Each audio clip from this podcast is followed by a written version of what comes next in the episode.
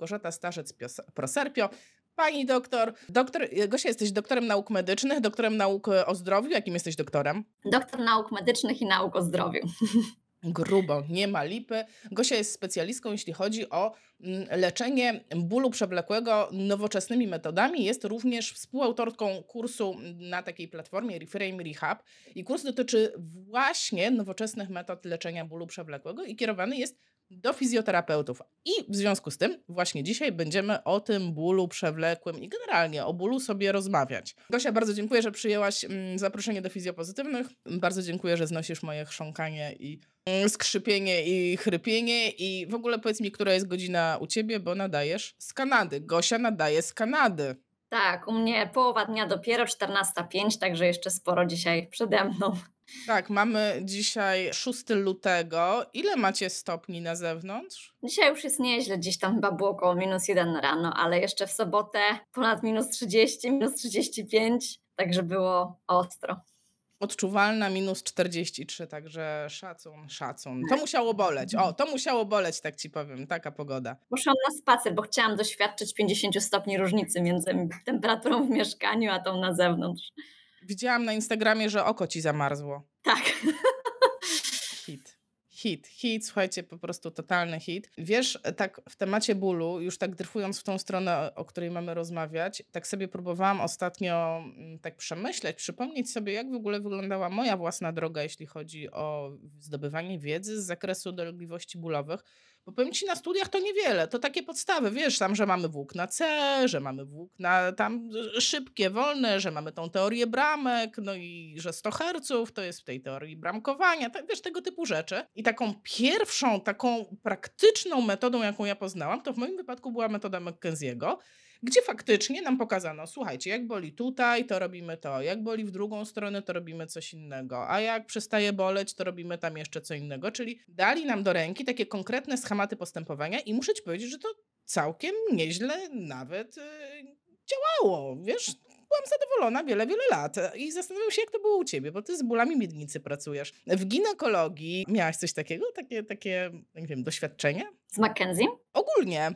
Ogólnie, czy miałaś takie doświadczenie, że ktoś ci dał do ręki metodę, która ci mówiła, jeżeli jest tak, to robisz to, a jeżeli masz taki objaw, to robisz co innego, taką wiesz, typowo strukturalną, z jakimś takim modelem, tak jak u McKenzie'ego był ten model mechaniczny dysku i tam było powiedziane, a jak się przemieszcza do tyłu, to coś tam, a jak się przemieszcza do tyłu i na lewo, to coś tam, a jak do tyłu i na prawo, to coś tam. No, myślę, że to były takie moje początki w ogóle, jak myślę też wielu innych osób, jeszcze na studiach, czy zaraz po studiach, gdzieś tam pierwsze podrygi e, z różnymi technikami z terapii manualnej, gdzie, gdzie to musiałby być bardzo pre, precyzyjny ruch, bardzo precyzyjna e, płaszczyzna, jak w tą stronę, to w tą stronę, jak w tą stronę nie idzie, to trochę bardziej w tą, więc na pewno były takie techniki. Też na początku, jak ja kończyłam, bardzo popularne stawały się te wszystkie techniki powięziowe, gdzie się patrzyło, w którą stronę się przesuwa, tam gdzie się nie przesuwa, to trzeba było iść bardziej w tę stronę, żeby się lepiej przesuwało. I na pewno takich technik było bardzo dużo. Natomiast ja bardzo szybko z rzeczywistością się jednak zderzyłam, bo gdzieś tam od początku swojej drogi zawodowej miałam do czynienia z e, osobami z doświadczeniem bólu przewlekłego, z tymi kobietami z bólem w obszarze miednicy. No i dla mnie to było zderzenie ze ścianą albo twardy bardzo upadek, ponieważ okazywało się, że owszem, być może u części osób te techniki były skuteczne, ale u części były zdecydowanie niewystarczające i mi osobiście bardzo, bardzo brakowało narzędzi. Brakowało mi też wiedzy, jeżeli chodzi o ból, bo to jest to, co wspomniałaś Ty na samym początku, jakby na studiach mieliśmy bardzo, bardzo jakby okrojoną tą neurofizjologię bólu i ja przyznam szczerze, nie rozumiałam jakby z czego te przewlekłe dolegliwości się wynikają, zawsze szukałam tej strukturalnej przyczyny dolegliwości. Tak, to chyba u mnie było tak samo. Zawsze byłam przekonana, że muszę coś znaleźć, wiesz? I byłam, pamiętam tą taką frustrację, jak na przykład nic mi nie wychodziło w testach, albo coś tam mi wychodziło, ja sobie dopasowywałam do tego jakiś wzorzec postępowania, który mi podano, i to nie działało. I kurczę, wiesz, zagubienie totalne, czyli szukanie następnej metody. U mnie następną metodą to był Cyriax, no równie strukturalna metoda jak, jak McKenzie, tak? I cały czas żyłam w takiej nadziei, że znajdę coś, co pozwoli mi ogarnąć absolutnie każdego e, pacjenta bólowego. Że po prostu, że musi takie coś być. No po prostu nie ma takiej możliwości, żeby nie było przyczyny tego bólu. Tak, no ja miałam dokładnie ten sam problem i najgorsze było to, że tą przyczynę gdzieś tam, gdzieś tam człowiek próbował wręcz na siłę znaleźć i jak się uczepił już tej jednej przyczyny, bardzo przekonany, że to jest to, po czym próbował i czasem działało, ale też działało na przykład tylko na chwilę, potem ten pacjent wracał, szukałam nowej przyczyny, zadziałało albo nie zadziałało i tak cały czas jakby człowiek był bardzo zafiksowany na tym świętym gralu, czyli znalezienie przyczyny bólu jej zlikwidowanie i wtedy niebo znów będzie niebieskie. Niestety jakby dzięki temu, co wiemy teraz o bólu przewlekłym, czego ja nie wiedziałam, zaczynając swoją ścieżkę jako fizjoterapeutka, jakby w kontekście bólu przewlekłego bardzo często przyczyna nie odgrywa już żadnej różnicy, tak na dobrą sprawę, nawet jeżeli była, bo czasami może nawet nie być. A kojarzysz taki moment przełomowy, kiedy zaczęłaś interesować się, albo może kiedy zaczęły docierać? Ja nie wiem, czy ty w Polsce byłaś, bo nigdy o tym nie rozmawiałyśmy w sumie, bo do mnie te informacje zaczęły po prostu docierać. Gdzieś takie, wiesz, strzępki. Ktoś powiedział na jakimś kursie, a wiecie co, a jest też ważne, takie, jest takie podejście jak podejście biopsychospołeczne. Wiesz, a czasami e, można nie mieć żadnego uszkodzenia i czuć ból. I wiesz, i zaczyna się zastanawiać, kurczę, faktycznie, no rzeczywiście, no nie wiem, ktoś nie ma nogi i go boli, ktoś ma, nie wiem, wygo wygojone złamanie i go boli. Albo w drugą stronę, pamiętam, e, wiesz co, o, co, co tak totalnie zmieniło moje myślenie? E, wystąpienie na YouTubie w TEDxie e, Lorimera Mosleya. I on tam mhm. daje przykład, ten swój, że tam mm, wąż go ugryzł. Jego ugryzł drugi najbardziej jadowity wąż na świecie i on w ogóle nie był tego świadomy. On myślał, że a tam zadrapał się, gałązka go zadrapała po prostu jak szedł sobie na spacer i w ogóle ledwo z życiem uszedł. No ale za to za drugim razem, nawet jak ta zwykła gałązka go zadrapała, to mówi, że po prostu cierpiał takie agonie, że myślał, że umiera. I wiesz, to, ja to tak długo kminiłam. E, I kojarzysz taki moment w historii u ciebie? Tak, u mnie były takie dwa momenty. Pierwszy moment, kiedy w ogóle zderzyłam się z czymś innym niż ja znałam. To był mój wyjazd z Norwegii, gdzie, e, gdzie pracowałam, gdzie się szkoliłam przez, e, przez kilka miesięcy. I tam pierwszy raz usłyszałam właśnie o, o książkach Lorimera Mosleya, o Explain Pain. Tam pierwszy raz czytałam właśnie Explain Pain, e, o modelu unikania lękowego Fear Avoidance Beliefs. I to było coś, co mnie totalnie zaskoczyło i zbiło z pantykału, bo ja właśnie tam pojechałam, żeby poznać te techniki, te konkretne techniki po czym się okazało, że, że zupełnie coś, coś innego to było. Tam też miałam obserwację, okazję obserwować tak zwaną Mensendick fizjoterapię, czyli taką terapię somatogognitywną, która łączy pewne adaptacje terapii poznawczo-behawioralnej na obszar fizjoterapii w celu pracy z osobami z bólem przewlekłym i potem wróciłam e, z tej Norwegii, wróciłam do Polski i zaczęłam szukać i, i, chciałam coś więcej w tym temacie. I to był ten czas, kiedy zaczęłam zderzać się z tymi pacjentami z bólem przewlekłym. Było mi bardzo, bardzo trudno z nimi pracować, bo nie dość, że to są osoby, wspaniałe osoby, ale jakby pro, z problemem bardzo złożonym, to ja byłam też początkową fizjoterapeutką i pamiętam, że dochodziłam do ściany i to był ten czas, kiedy pierwszy raz wyjechałam do Kanady w 2018 roku no i wtedy się wszystko zmieniło. No właśnie, ja tak próbuję to sobie e, usystematyzować w głowie. Pierwsze przebitki na ten temat e, to jest jakieś właśnie 2016-17 w moim wypadku. E, a taki, taki wielki boom to jest chyba pandemia i te hektogodziny spędzone na webinarach i wtedy rzeczywiście dużo tego, mm, tej wiedzy można było zaciągnąć. Ale tak naprawdę na świecie zauważ, że ten trend to tak z 10 lat już wcześniej się zaczął. To do nas tak dociera. No zdecydowanie, zdecydowanie. Jakby ja byłam zaskoczona, jak właśnie pierwszy raz wyjechałam do Kanady wtedy właśnie w 2018 roku i e, jakby wszyscy tutaj o tym mówili. Dla wszystkich to było takie oczywiste. Ja robiłam ogromne wielkie oczy, bo nikt z moich znajomych wtedy o tym nie za bardzo, nie za bardzo słyszał. Więc dla mnie to było wszystko nowe, a byłam zaskoczona, że tutaj mówi się o tym na uczelniach, że tutaj mówi się o tym na kursach, na konferencjach, że o tym mówią nie tylko fizjoterapeuci, ale i lekarze. Pamiętam rok później byłam znowu w Kanadzie na kongresie International Pelvic Pain Society i było cały dzień szkolenia właśnie z tego zakresu dla lekarzy, dla fizjoterapeutów, co dla mnie było totalną e, nowością. Jak oni to tłumaczyli? No bo dla nas jest takie podejście strukturalne bardzo zrozumiałe. Tak, nie wiem, jak ruszasz, zginasz się do przodu i bolą cię plecy, no to wszystko jedno, jak sobie to wytłumaczysz, no ale to znaczy, że to jest twój e, ruch, który wywołuje ból, no to być może trzeba będzie pójść w przeciwną stronę, no zależy kto w jakiej koncepcji działa. No ale generalnie w jaki sposób tłumaczono to, że trzeba dodać coś więcej, albo może nawet inaczej, co ciebie przekonało, że ty powinnaś do swojej terapii dodać coś więcej? Mm, myślę, że ja byłam szkolna w takim modelu mocno biomedycznym właśnie, gdzie zawsze jeżeli jest ból, to musi mieć konkretną, strukturalną przyczynę i tą przyczynę trzeba odnaleźć i trzeba tą przyczynę zlikwidować. Podczas gdy tutaj właśnie w Kanadzie pierwszy raz poznałam, że w kontekście bólu przewlekłego to nie jest takie proste, że to nie jest taki typowy ból mechaniczny, który ja znam z urazu, którym jest na przykład, nie wiem, skręcenie kostki. To, co dla mnie było zaskakujące, to to pokazanie tego, jaka może być inna, na czym, albo na czym polega neurofizja bólu przewlekłego, o tym wciąż wiemy za mało, ale każdym rokiem trochę więcej, więc ja się śmieję, że my nie wiemy coraz więcej na ten temat, tylko z każdym rokiem trochę mniej się mylimy w tym temacie. Niemniej jednak to było dla mnie zaskakujące, na czym może polegać e, ten ból przewlekły, jakie, jakie mechanizmy mogą być z nim związane, o których nigdy wcześniej nie słyszałam.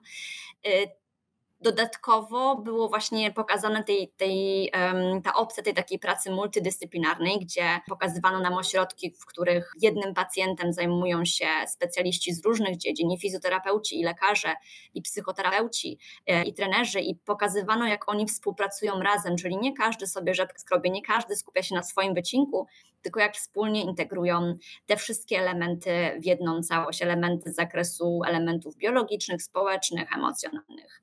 No i to było to pierwsze zetknięcie z modelem biopsychospołecznym w tym 2018 roku. No i to, co obserwuję teraz, już będąc trzeci raz w Kanadzie, to bardzo się to zmienia i jakby ewoluuje spojrzenie na ten model, a mam takie poczucie czasami, że on do nas, do Polski jeszcze nie dotarł w takim wymiarze, jak, w jakim ja go poznałam wtedy w tym 2018 roku i kiedy u nas dopiero się to zaczyna przebijać, to tutaj już mamy zupełnie nową, upgrade'owaną wersję tego podejścia. Tak, zaraz o tym opowiemy. Dajcie znać, e, jeżeli jesteście z nami, dajcie znać, e, czy w ogóle spotkaliście się z podejściem biopsychospołecznym, czy słyszeliście coś na ten temat. Z czym wam się to kojarzy? Czy w ogóle prowadzicie tak pacjentów? E, czy w ogóle macie tych pacjentów z przewlekłym bólem? Wydaje mi się, że ciężko w Polsce nie mieć pacjenta z przewlekłym bólem. I jeszcze tak powiem od siebie, bo zrobiłam sobie notatki, przypomniało mi się, że co było dla mnie najbardziej szokujące na samym początku, że kiedy słyszałam wykłady właśnie osób typu Lorimer Mosley, e, Peter O'Sullivan, no to było Mistrzostwo Świata, kiedy pamiętam, że on po prostu e, na konferencji rzucił slajd i mówi, wiecie co, zrobiliśmy badania, sprawdziliśmy z czym korelują dolegliwości bólowe takie przewlekłe. No i zastanawialiśmy się, czy może ze złym wynikiem badania rentgenowskiego, może tam z czymś tam. No i wyszło im, że wcale nie z rentgenem korelują, tylko korelują z tym, na przykład, y, czy masz dobrą pracę i czy ta praca daje ci dostatecznie dużo pieniędzy. Czy masz dobry związek i czujesz się dobrze z tym partnerem i masz udane życie osobiste? Czy masz udane życie społeczne? Czy w ogóle lubisz swoją pracę? Wiesz, takie w ogóle jakieś e, abstrakcyjne rzeczy. I dla mnie to było takie, takie w sumie Wow, pamiętam, że też wtedy zaczyna, zaczynałam się zastanawiać i mm, analizować swoje własne dolegliwości. Rzeczywiście dostrzegłam taką korelację. Nie wiem, idą święta, więcej stresu, o kurde, na pewno kolano rozboli. Albo za dużo obowiązków, pach, kręcz szyi. Tak jakby, wiesz, babcia by powiedziała, ciało ci daje znać, że musisz tutaj sobie odpocząć, ale kurczę, no coś w tym stylu, ale Gosia, kurczę, no ale jeżeli to jest tak, no to znaczy, że fizjoterapeuci nie są potrzebni, wszystko to jest tylko mental. To psycholodzy niech się tym zajmą.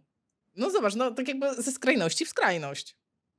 No zdecydowanie to, to, o czym mówisz, to jest właśnie ta jedna z tych e, nieprawidłowych interpretacji podejścia biopsychospołecznego, e, która gdzieś tam się pojawia aktualnie e, w przestrzeni, ponieważ jakby mm, Engel, który jakby był takim pomysłodawcą tego modelu w latach 70-80, zaczął na to zwracać uwagę, właśnie na te elementy mm, psychologiczne i społeczne, czy psychospołeczne, jak to czasem jest określane, ze względu na to, że w tym tradycyjnym modelu biomedycznym było postrzeganie człowieka jako maszynę, e, gdzie musi być jakaś strukturalna przyczyna, którą trzeba zlikwidować i naprawić.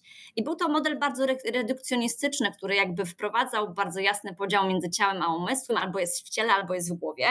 No i model biopsychospołeczny miał się właśnie temu przeciwstawiać, ale doszło w jakiś tam sposób w jednej z jego nieprawidłowych interpretacji do takiego właśnie znowuż dualistycznego podziału, czyli czynniki bio i czynniki psychospołeczne, podczas gdy to nie jest takie proste. Czyli owszem, rzeczywiście, jeżeli zrobimy jakąś analizę wieloczynnikową, to tam w wielu mm, analizach wyjdzie rzeczywiście, że te czynniki takie jak właśnie, tak jak ty wspominasz, status społeczny, czy społeczno-ekonomiczny, nasz stan emocjonalny to są bardzo silne predyktory czy czynniki podtrzymujące ból, ale nie da się tego tak łatwo rozdzielić. Czy to nie jest tylko tak, że albo jest przyczyna strukturalna, albo jest tylko w głowie. To jest dużo bardziej e, połączone i dużo bardziej zblendowane, co jakby podkreśla to, że my jako fizjoterapeuci jesteśmy wciąż potrzebni. Tylko warto, żebyśmy integrowali właśnie te wszystkie czynniki um, razem w naszej terapii.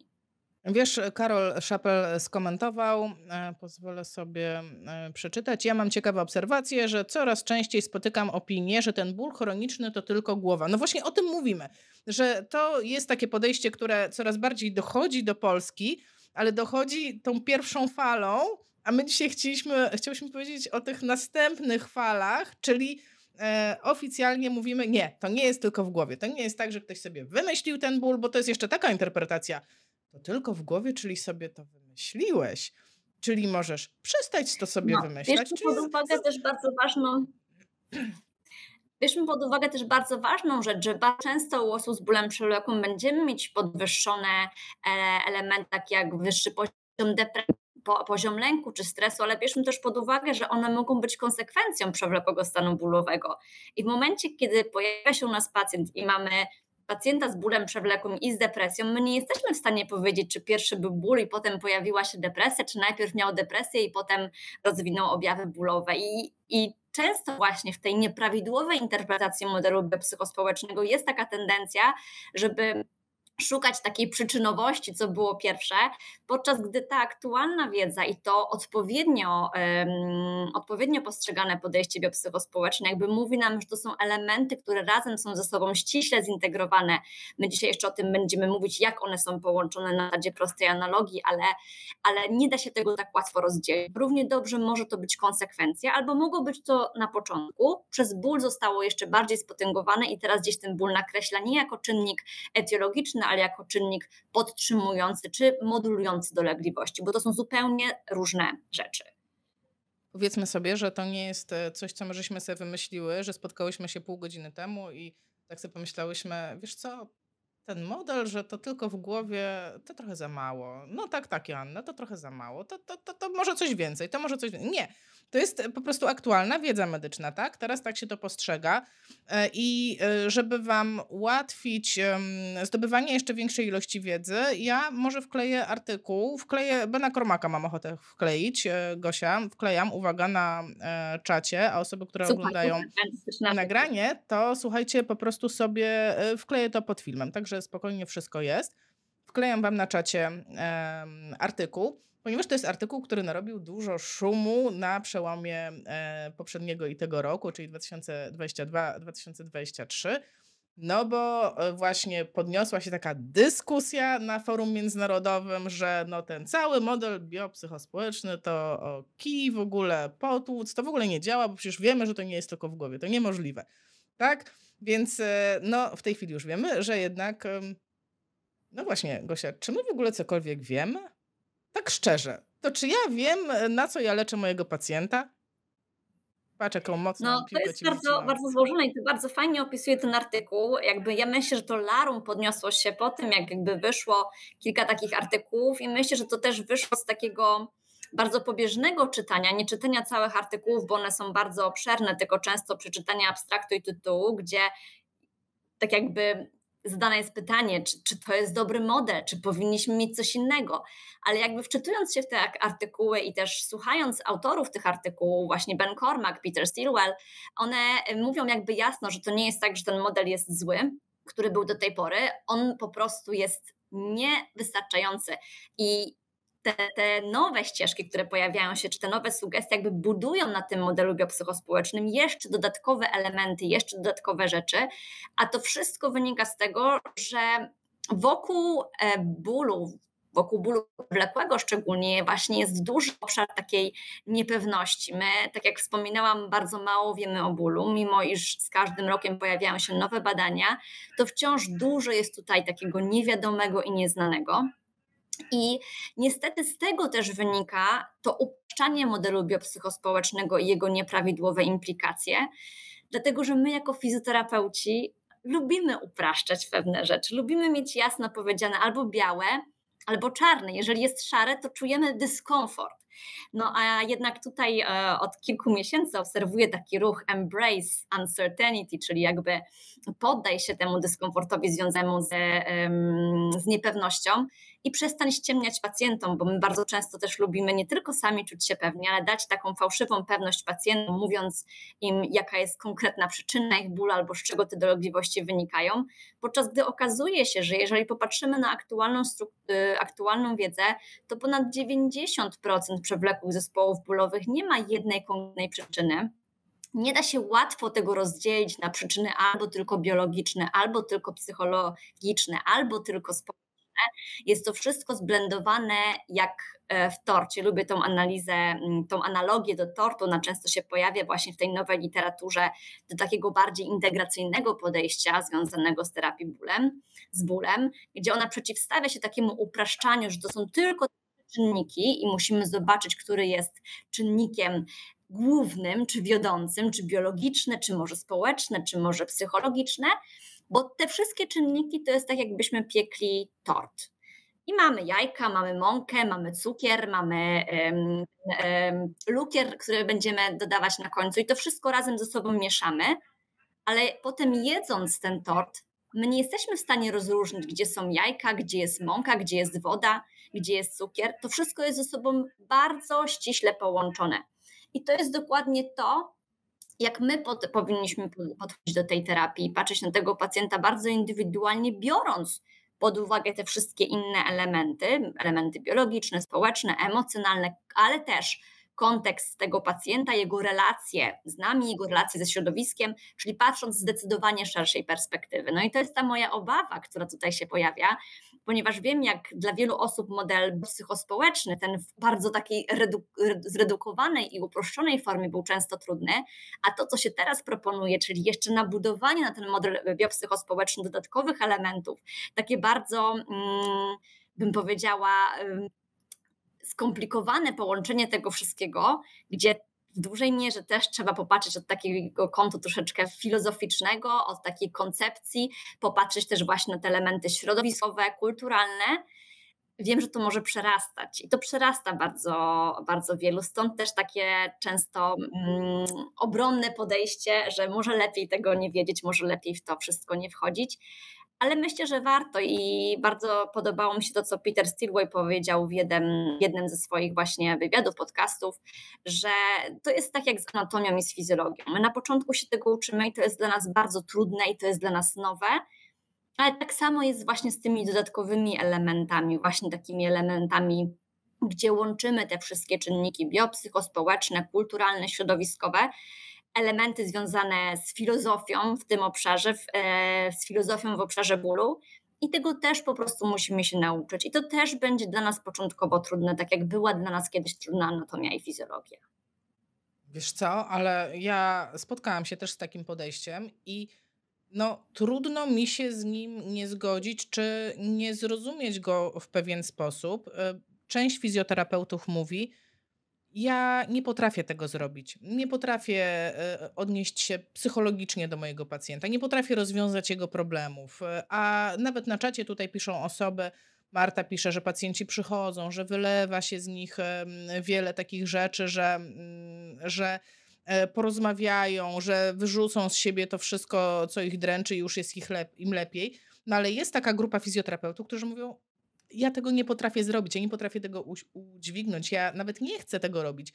Ja nie chcę się interesować tym, czy mój pacjent ma dobrą pracę, czy niedobrą, a ja dodam jeszcze od siebie. Mi się zdarzyły takie sytuacje, że pacjent bardzo dziwnie się na mnie patrzył i wręcz no, był niesłychanie podejrzliwy, kiedy ja się pytałam, nie wiem, czy zmienił ostatnio pracę i w ogóle tak jakby na wstępie wykluczał możliwość tego, że ta ostatnia zda, zmiana pracy wpłynęła również na to, jak odczuwa swoje plecy. Bo po prostu, no że tak powiem, Gosia, no w głowie się nie mieści.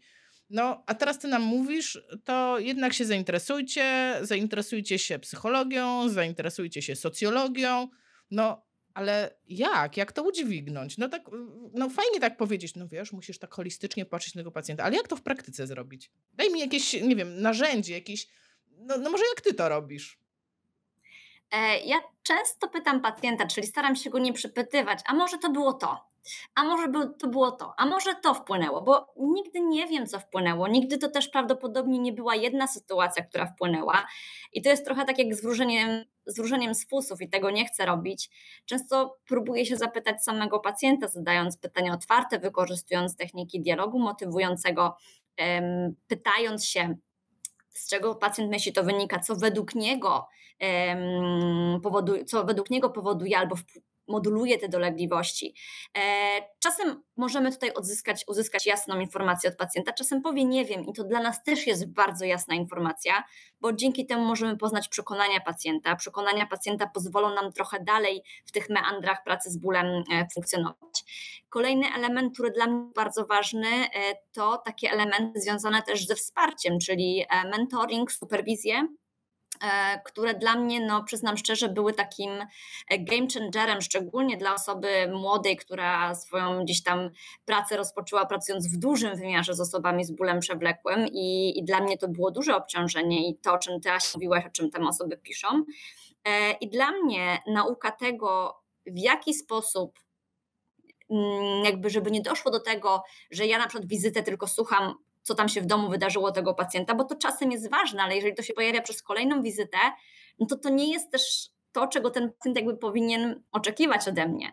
Więc jakby w jaki sposób te elementy odpowiednio dobrać do tego, żeby z tym pacjentem zrobić coś konkretnego, albo w ramach fizjoterapii, bo ja nie mogę mu zastąpić y, psychoterapeuty w żaden sposób, ale żeby wykorzystać te informacje, żeby móc prowadzić działania w ramach fizjoterapii. Więc poznanie tych pacjentów, poznanie ich wartości, ich przekonań, tego, co jest dla nich ważne w życiu codziennym, albo w czym te dolegliwości im przeszkadzają, pozwala nam też dobrać lepiej zalecenia, bo to nie będą zalecenia które gdzieś tam weźmiemy, że tak powiem, z, z nieba, tylko będą to zalecenia dobrane do ich konkretnych problemów. Więc dla mnie to było najważniejsze. Mentoring, taki z zakresu właśnie efektywnej komunikacji w fizjoterapii, superwizję w momencie, kiedy miałam właśnie jakieś trudne sytuacje gabinetowe no i poznanie właśnie tych elementów bardziej takiej kompleksowej fizjoterapii, na przykład takich jak psychologically informed physiotherapy albo psychologically informed practice,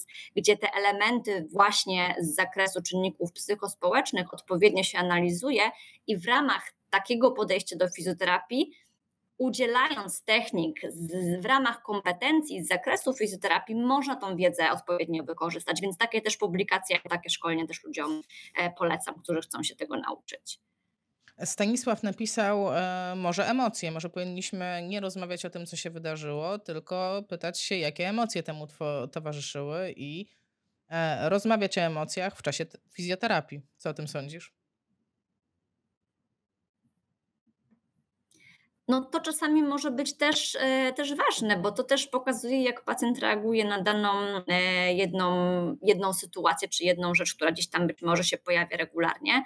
Natomiast to, co jest bardzo ważne, to zawsze się zapytać i tego pacjenta, i nas samych, co dla nas jest z tego ważne w kontekście fizjoterapii, albo czy biorąc to pod uwagę, co możemy w ramach fizjoterapii zrobić, bo dla mnie to jest niezwykle istotne, bo jeżeli mam pacjentkę, która przychodzi z przewlekłym bólem miednicy i na przykład na pytanie, co y, musi się wydarzyć, żeby, żeby ten ból jakby jej mniej przeszkadzał albo żeby się lepiej czuła, ona odpowiada, moje dziecko musiałoby być zdrowe, bo jest przewlekle chore dziecko na przykład, no to to jest dla mnie bardzo ważna informacja, bo też wiemy wtedy, jakie przekonania się tutaj pojawiają, albo też możemy się dowiedzieć, ona w tym momencie jest zajęta, bo jeździ regularnie do tego dziecka do szpitala, wtedy też trochę inaczej podejdę do niej, jeżeli chodzi o zalecenie. Nie będę jej dawała 15 ćwiczeń do domu albo myślenia o dnie miednicy za każdym razem, kiedy wstaje z krzesła, w momencie, kiedy wiem, że ona ma zupełnie inne rzeczy na głowie, więc wtedy często będę pytać, co w takiej sytuacji pani może zrobić, albo jakie mam, jaką mamy przestrzeń w tym momencie na ćwiczenia, e, w jakim wymiarze. I to jest coś, co wtedy możemy wspólnie um, ustalać z pacjentem, nie na zasadzie takich um, zaleceń, które tam będą od góry dane, takie, które nam się wydają najważniejsze, ale wspólnie ustalone z pacjentem. Uśmiecham się, bo przypomniało mi się chwilę temu, e, jak e, kiedyś e, myślałam na temat tego, jak mają pacjenci pracować w domu. I postrzegałam to tak, że mają pracować, mają wykonać to, co ja wymyśliłam, koniec, kropka, bo jeśli pacjent nie wykonał, to znaczy, że nie podjął terapii, to jest jego problem. A teraz, no, jak rozumiem, troszeczkę łagodniej na to patrzymy. No ja ostatnio miałam e, konsultację z pacjentką, bo będąc tutaj w Kanadzie cały czas prowadzę konsultacje online dla pacjentów i miałam konsultację z pacjentką, która powiedziała mi, że chciała chodzić do fizjoterapeutki, ale ona jej powiedziała, że albo będzie regularnie przychodzić i przyjdzie na te wizyty i umówi się od razu na, na, na wprost na te kolejne 10 wizyt regularnie, bo jeżeli ona nie ma teraz przestrzeni na te ćwiczenia, to jest bez sensu, żeby ona teraz podejmowała fizjoterapię, bo albo się w to angażuje, albo nie. No i można tak postawić sprawę, tak? Albo teraz dostosowujesz swoje życie do fizjoterapii i angażujesz się w to na maks, albo nie dzisiaj, nie u mnie, ale też zastanawiam się, czy to jest rzeczywiście terapia skoncentrowana na osobie, a na ile to jest terapia skoncentrowana na komforcie e, terapeuty czy, czy terapeuty. Myślę, że tutaj warto ustalić z pacjentami, jakie mają możliwości, czego potrzebują, na tej bazie też ustalić, jakie są oczekiwania. Bo może oczekiwaniem tej osoby nie jest kompletne wyleczenie, może oczekiwaniem tej osoby jest to, że kiedy przyjdzie kilka razy, otrzyma jakieś proste, podstawowe elementy, które będzie gdzieś tam mogła samodzielnie wprowadzać w domu. Jeżeli o to nie zapytamy, tego się nie dowiemy.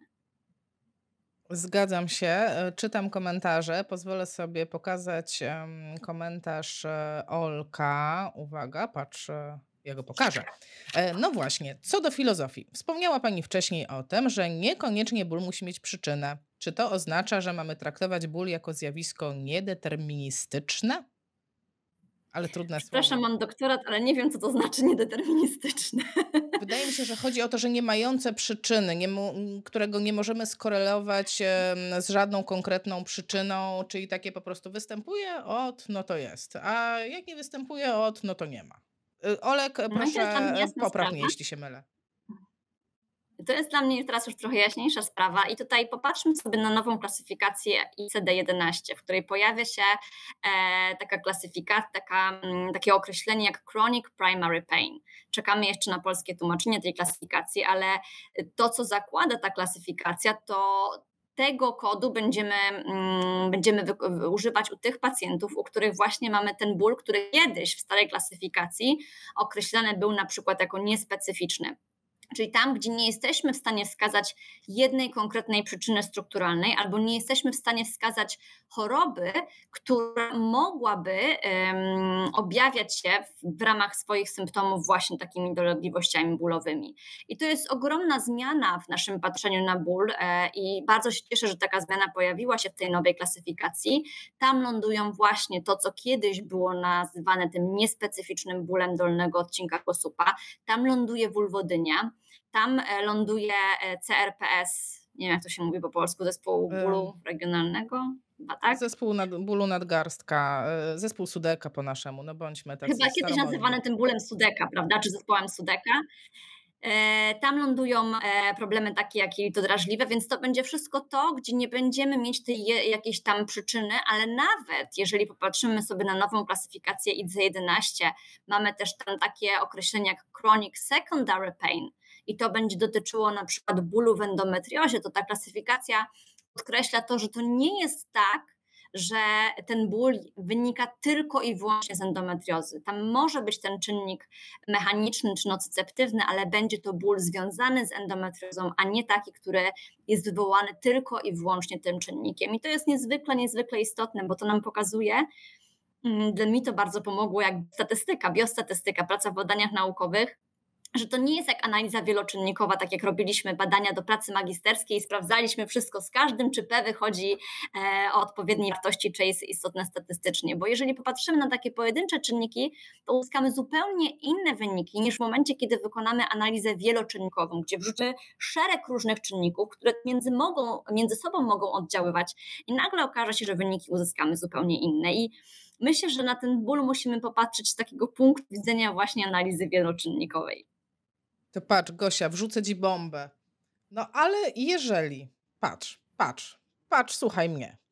Jeżeli założymy, że mamy ból przewlekły i założymy, że mamy ból, który tak naprawdę nie powinien mieć już swojej przyczyny strukturalnej, no bo każda, nawet najgorsza rana w końcu się wygoi, złamanie się wygoi.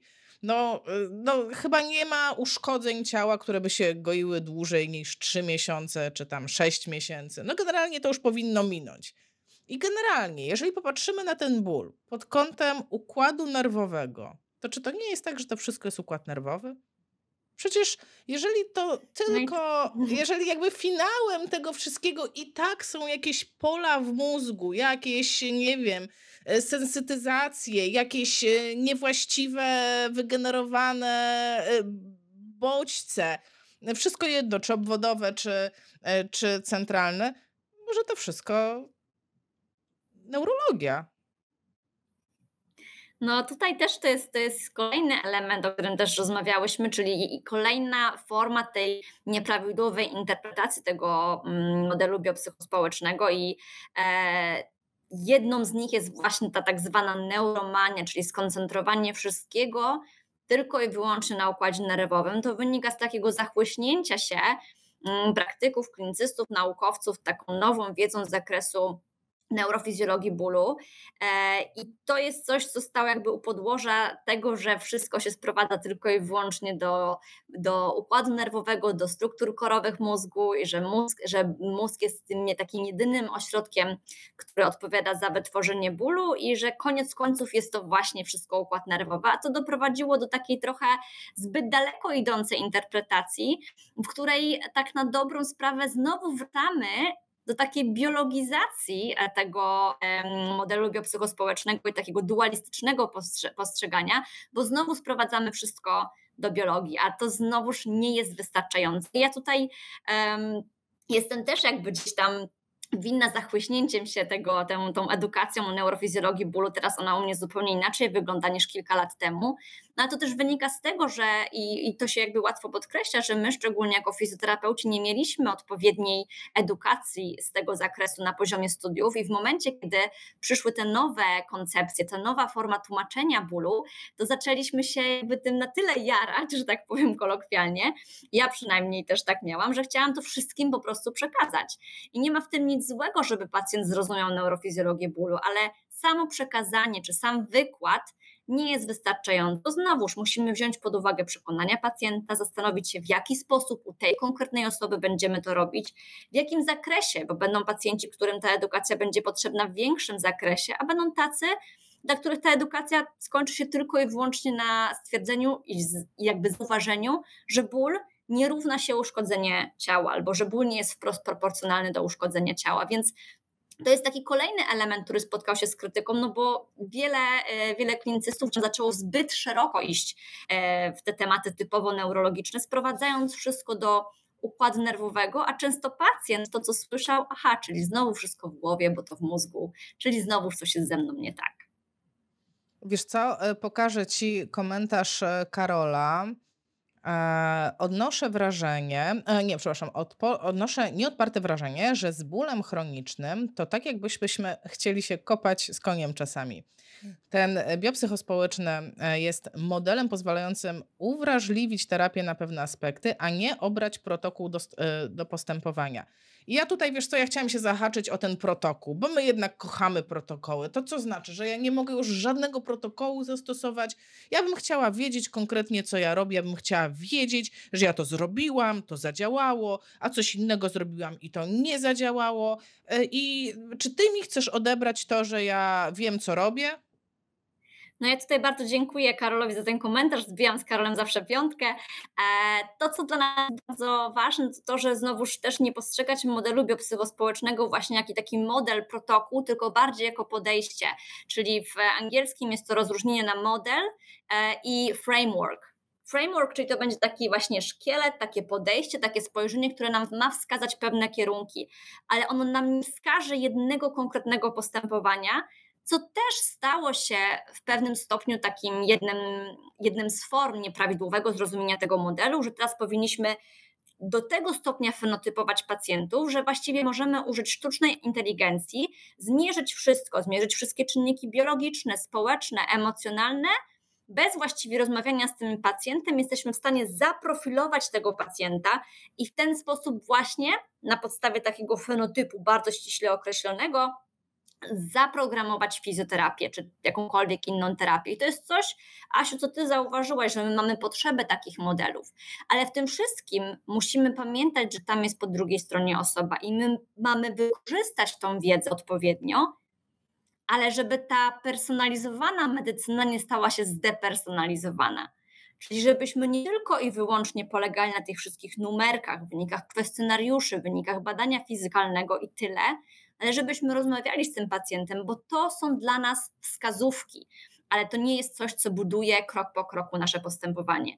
Bo pamiętajmy, że w bólu przewlekłym możemy nakreślić ramowy plan postępowania, ale ja nigdy tego nie robię bardzo szczegółowo z żadnym pacjentem, bo to bardzo często będzie się zmieniać.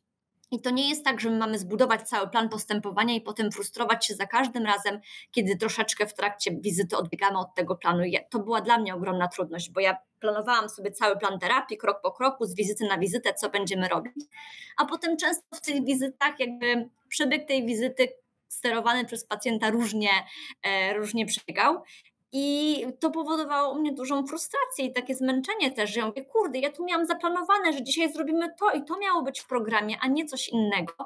A prawda jest taka, że w bólu przewlekłym będzie się wszystko tak szybko zmieniać, że my możemy sobie nakreślić wstępny plan, ale zawsze pamiętać, że koniec końców on będzie modyfikowalny i często znacznie. Wiesz co, to w drugą stronę mam takie skojarzenie, no to skoro nie mogę sobie mm, tak do końca rozplanować tego, co będę robić, skoro nie do końca mogę polegać na schematach postępowania, no to lądujemy w takim miejscu, w którym jest bardzo, bardzo wiele osób, ponieważ piszą o tym otwarcie i no też trzeba w tym momencie uznać takie postępowanie, że robię to, co się u mnie sprawdza i u moich pacjentów, czyli dochodzimy do modelu u mnie działa. I dochodzimy do e, takiej bardzo cienkiej granicy pomiędzy medycyną, medycyną alternatywną, a szamaństwem, tak? Nie bójmy się tego powiedzieć.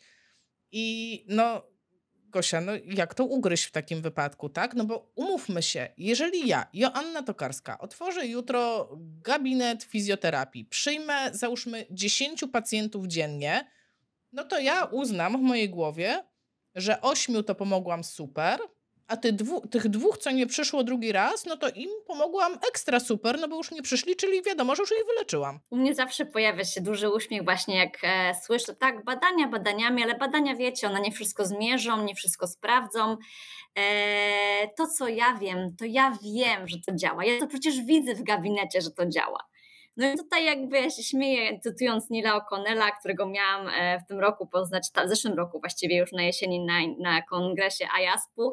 On wtedy mówi, że ma ochotę zrobić infinite facepalm, czyli niekończący się facepalm, bo musimy sobie w pierwszej kolejności zastanowić się, jakby nawet jeżeli widzimy te efekty terapii, to skąd wiemy, że to są efekty naszej terapii? Pamiętajmy, że to jest ten błąd myśleniowy, tak zwany post hoc, e, o którym e, często, z którym często się spotykamy w terapii, że skoro jest lepiej, to znaczy, że nasza terapia pomogła. Ale pytanie, czy jeżeli odtańczymy taniec szamański podczas suszy i na drugi dzień zapada deszcz, to, to czy możemy powiedzieć, że to przez ten taniec szamański?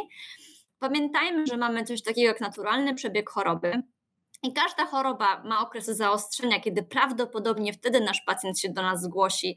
I może być tak, że ten element um, związany na przykład z bólem sam by się poprawił w przeciągu kilka, kilku dni, czy byśmy coś zrobili, czy byśmy nic nie zrobili, um, więc musimy o tym pamiętać. A drugi element, czasem rzeczywiście może być tak, że ta, że ta terapia pomogła.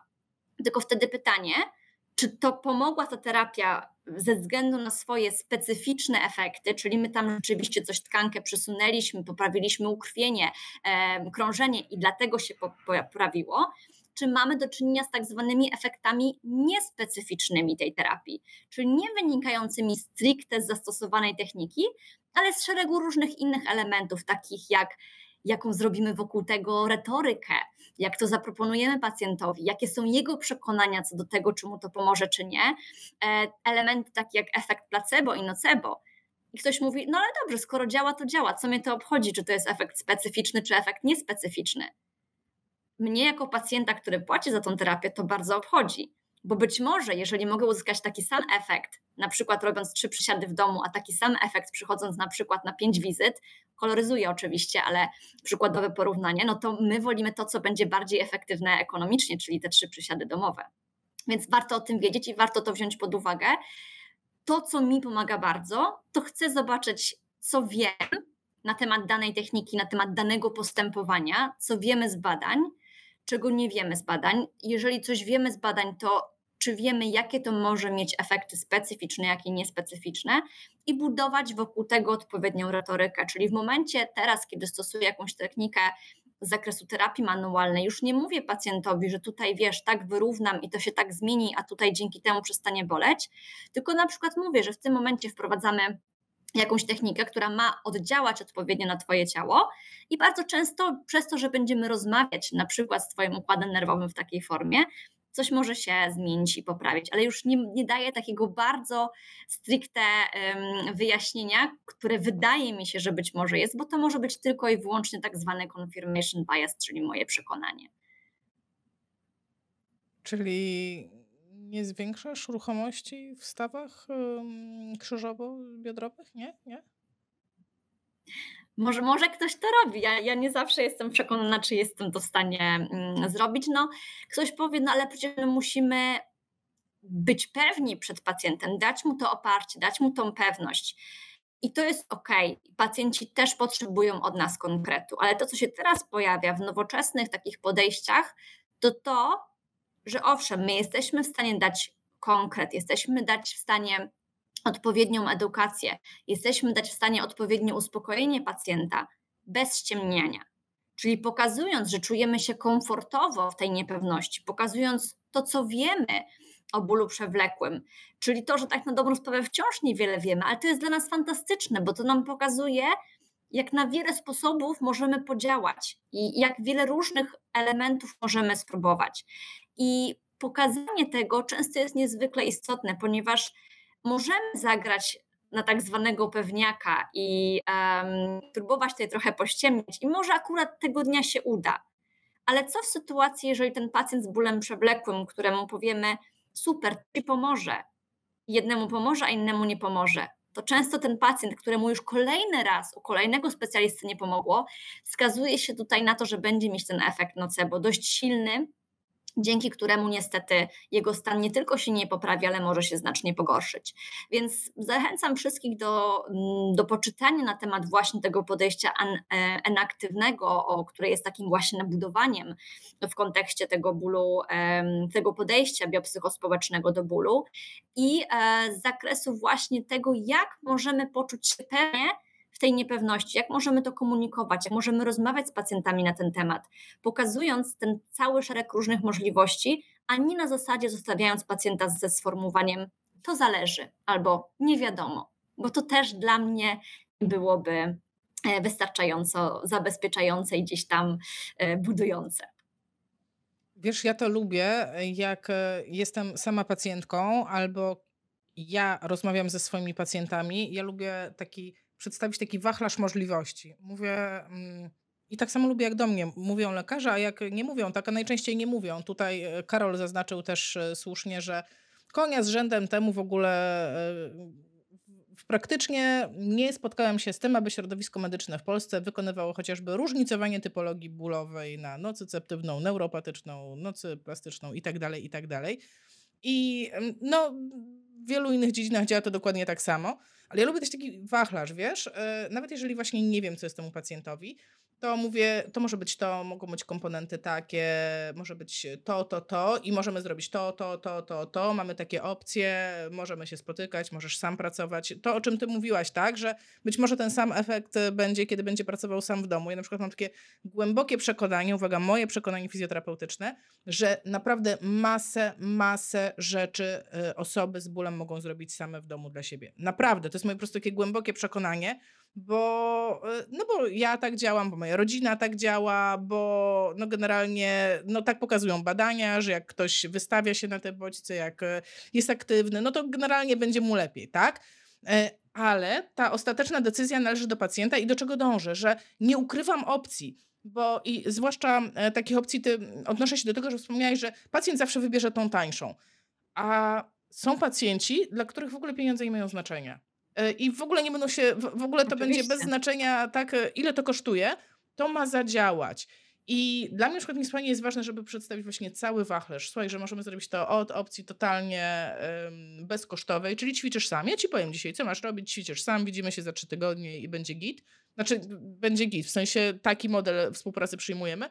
A może być tak, że widzimy się codziennie i po prostu ja robię dużo rzeczy y, dla ciebie i to jest coś, wiesz co, ja chyba się tego nauczyłam od ciebie. Ty na którymś z naszych spotkań, w ogóle zachęcam wszystkich, żeby obejrzeć poprzednie nasze spotkanie albo odsłuchać na podcastach poprzednie nasze spotkanie, bo wszystkie są niesłychanie ciekawe, ale to ty byłaś tą osobą, która mi powiedziałaś, że wiesz co, zasadniczo to jest decyzja pacjenta. Jeżeli on potrzebuje się z tobą spotykać, żeby się dobrze czuć, że nie chce tej samodzielności, dlaczego mu tego nie dać? Ja myślę, że to jest najczęstszy problem wielu e, specjalistów fizjoterapeutów, szczególnie tych też młodych. Jak mam takie mentoringi czasami właśnie dla, dla tych fizjoterapeutów i jak się spotykamy, to często takim pytaniem, które dostaję, jakby nie wiem, co mam powiedzieć pacjentowi, ile razy on ma przychodzić, albo jak często ma przychodzić.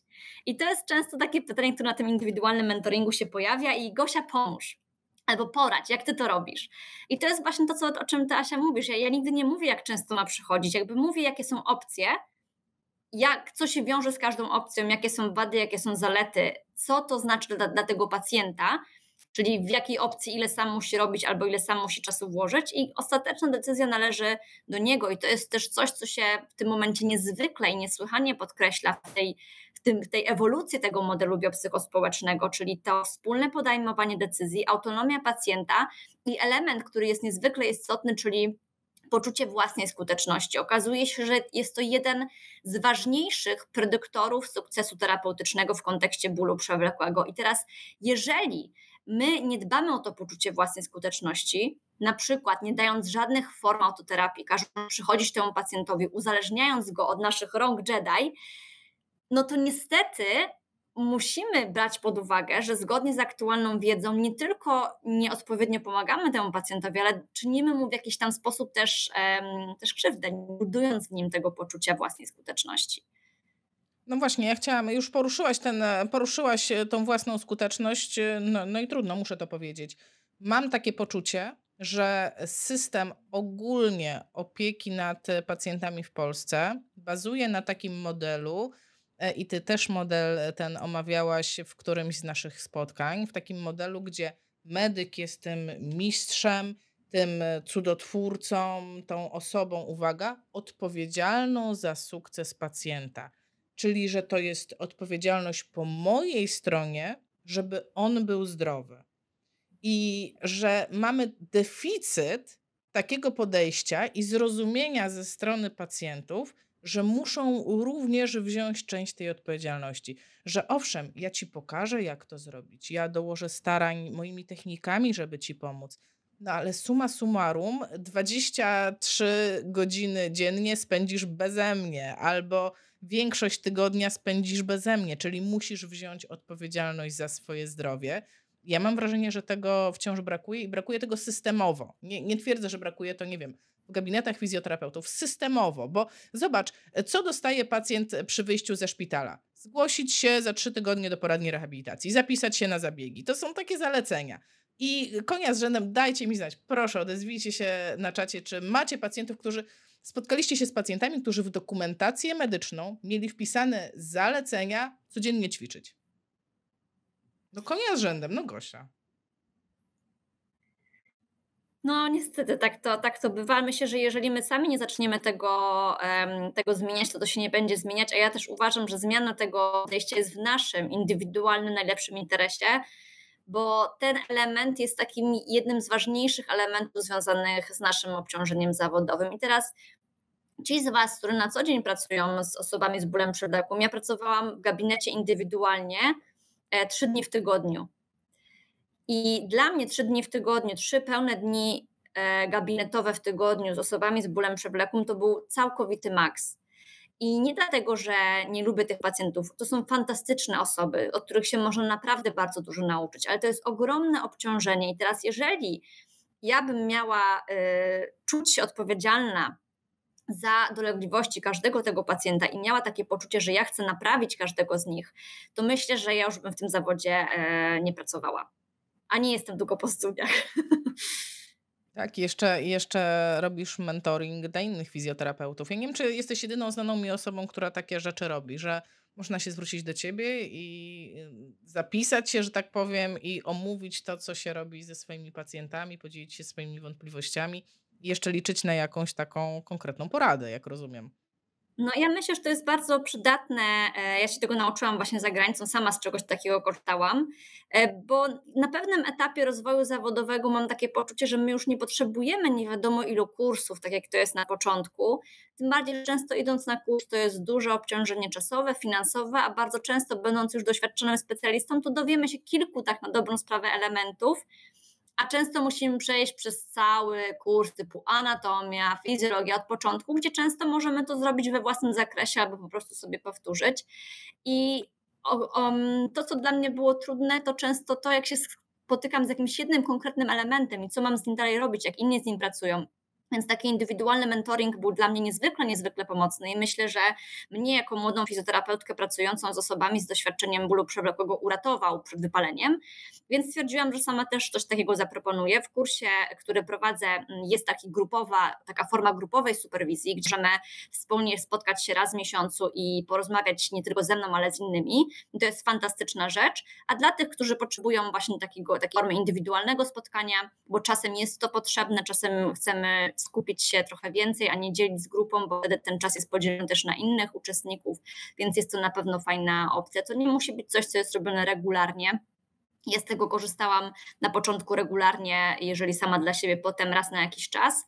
E, I jest to forma, tak na dobrą sprawę, takiego naszego, że tak powiem, wentyla bezpieczeństwa, szczególnie dla tych z nas, którzy gdzieś tam to obciążenie pracą zawodową e, czują. A powiedz, e, bo ja wspomniałam na początku, że jesteś współautorką całego szkolenia i to jest takie szkolenie, jak wygląda takie szkolenie, które ty prowadzisz? Jesteś w Kanadzie, na miłość, e, że tak powiem. Jak prowadzisz szkolenie? Szkolenie prowadzone jest online, natomiast jest to ten tak zwany live online, czyli to nie jest tak, że oglądacie nagranie, co też jest jakąś tam opcją, bo każdy może oglądać w swoim czasie, ale ja uważam, że wartością dodaną tego szkolenia jest to, że możemy wszyscy gdzieś tam rozmawiać, jest czas na dyskusję, jest też możliwość pracy w grupach, a dzięki temu, że jest to w formie online, to ja mogę prowadzić z Kanady Ludzie mogą z różnych części kraju się podłączać, e, nie wychodząc czy nie ruszając się ze swojego fotela, to też wiem, że dla wielu jest niezwykle e, istotne. To też obniża koszty szkolenia. No i znowuż jest to takie szkolenie. Mam też początkujących fizjoterapeutów i bardzo ich tutaj pozdrawiam i cieszę się, że też studenci dołączają. Natomiast myślę, że to jest też szczególnie ważne dla już tych doświadczonych fizjoterapeutów, którzy potrzebują czegoś więcej, czegoś dalej, gdzie niekoniecznie chcą e, jechać na kolejne szkolenie, gdzieś tam zostawiać bliskich, tylko właśnie podłączyć się online. Jest też oczywiście możliwość nagrania, jeżeli tam dzień się opuści. E, no i jest to wsparcie poszkoleniowe, bo często jest tak, że na szkoleniu się wydaje wszystko jasne i proste, a potem jak musimy to zastosować w praktyce, to pojawiają się schody. Wtedy już tego wsparcia często nam brakuje. A tutaj w ramach e, ceny szkolenia są takie regularne spotkania raz w miesiącu, gdzie jeżeli coś jest niejasne albo w czymś jest trudność, jesteśmy w stanie to omówić. A to, co zabezpiecza nas przed tymi różnymi właśnie błędami myślowymi, confirmation bias, moim gdzieś tam e, doświadczeniem zawodowym, które też jest w pewnym stopniu ograniczone do jakiejś konkretnej, specyficznej grupy czy jakiegoś konkretnego ośrodka. Mm, dzięki temu, że jesteśmy razem, to mamy możliwość na burzę mózgu, na różne e, spojrzenia, na różne formy popatrzenia na jeden problem. E, ile dni, powiedz mi, trwa szkolenie? E, szkolenie jest trzydniowe, e, to jest zwykle sobota, niedziela i poniedziałek. Czyli trzy dni siedzicie przed komputerem. Ale to nie jest dni... cały dzień siedzenia. nie, nie cały dzień siedzenia, chyba to jest jakoś od 14 do 19 sobota, niedziela i potem wieczór jest chyba tam 2,5 godziny w poniedziałek. Wiesz, o czym sobie myślę? Że po prostu, no to ileż można mówić o bólu? Zobacz, że my spotykamy się któryś raz, teraz tak podsumowujemy, e, ta wiedza się zmienia, więc e, mówimy o niej. To tam chyba musi być dużo jeszcze więcej do powiedzenia. No tak sobie to wyobrażam, ja że to nie jest. Że... problem, bo teraz już będę prowadzić piątą edycję. On już pomijam to, że ona jest zupełnie inna od, od, od początkowych, więc podziwiam, podziwiam z tego miejsca bardzo wszystkie osoby, które regularnie prowadzą różne szkolenia, bo dla mnie to jest tak, jakbym zaczynała za każdym razem od początku, za każdym razem tej wiedzy przybywa, za każdym razem wszystko zmieniam. Kiedyś miałam wyrzutu sumienia, że zmieniam, może kiedyś mówiłam źle, a może teraz mówię dobrze, a przy kolejnej edycji już to jest źle i jest coś nowego, ale myślę, że jeżeli nasza praktyka się nie zmienia, jeżeli nasze spojrzenie się nie zmienia, to znaczy, że się nie rozwijamy. I w tym momencie trochę się boję, bo właśnie niedługo lecę na San Diego Paint Summit, potem czeka mnie jeszcze kongres e, ISWISH i e, boję się, co zrobię z tą, z tą edycją kwietniową, bo pewnie znowu będę musiała wszystko zmieniać i coś tam nowego próbować upchnąć. E, wszystkie konferencje, słuchajcie, jak tak słuchacie, gdzie Gosia lata, wszystkie konferencje wybrane przez Gosię na ten rok dotyczące bólu są w kalendarzu, o którym Wam mówiłam na początku live'u, także mm, wciąż zapraszam, wciąż da się go kupić. Wkleiłam Wam na, mm, na czacie link do szkolenia Gosi. Kiedy jest teraz następna edycja? E, w kwietniu. Kwiecień, 22 kwietnia chyba zaczynamy, jeszcze się upewnię, tak. Także koniec kwietnia, jeżeli chcecie jeszcze więcej wiedzieć na temat bólu, tak, to zapisujcie się do Gosi. Masz jakąś ograniczoną liczbę miejsc? Online, to chyba bez ograniczeń. No właśnie mamy ograniczenie e, z racji tego, że no jest to forma takiej interaktywnej pracy, jest praca w grupach, także jest ograniczona liczba miejsc, żeby nas nie było za dużo, tak jak na normalnym szkoleniu. Staramy się, żeby było interaktywnie, a nie tylko mój wykład. Wiem, że zajmujesz się głównie bólami okolicy miednicy. Czy to jest szkolenie tylko dla fizjoterapeutów czy fizjoterapeutek uroginekologicznych, czy taka osoba na przykład jak ja, która jest zainteresowana, nie wiem, bólami pleców, pacjentami generalnie przewlekłymi, czy, czy tak jak ja mam pacjentów neurologicznych, którzy też potrafią długo cierpieć, czy taka osoba też skorzysta? E, wiedza o bólu jest wiedzą uniwersalną. Mówi się, że ból nie jest, e, nie jest różny, niezależnie od tego, gdzie ten ból odczuwamy. Natomiast e, no ja z racji swojej, swojego doświadczenia, no nie ściemniam, nie mam doświadczenia w przewlekłych bólach barku na przykład, więc mówię głównie na przykładach z oparu miednicy i też najczęściej właśnie tacy fizjoterapeuci się pojawiają. Natomiast w ostatnich edycjach brało sporo E, fizjoterapeutów udział, którzy nie mają nic w związku z bólami obszaru miednicy i bardzo dużo skorzystali, bo tak jak mówię, no to są uniwersalne um, formy podejścia, wiele jest zaczerpnięte właśnie z dolegliwości innych obszarów, w zależności od tego, gdzie są badania, także zapraszam, e, zapraszam wszystkich, choć najwięcej ja przykładów z praktyki mówię akurat na dolegliwościach bólowych obszaru miednicy, no bo w tym coś więcej wiem. Martyna pisze, byłam, polecam, wracam do notatek często od listopada. Słuchajcie, jeżeli nie chcecie kończyć takiego szkolenia, bo ono to jest, e, to jest szkolenie zaawansowane, tak Gosia? No powiedzmy to szczerze. E, owszem, możesz pójść, jeżeli jesteś początkującym, ale ta wiedza to nie będzie taka prosta wiedza, to nie będzie podane mm, łopatologicznie aż tak, to będzie, to jest jednak zaawansowane szkolenie, tak? Dobrze mówię? Poprawnie.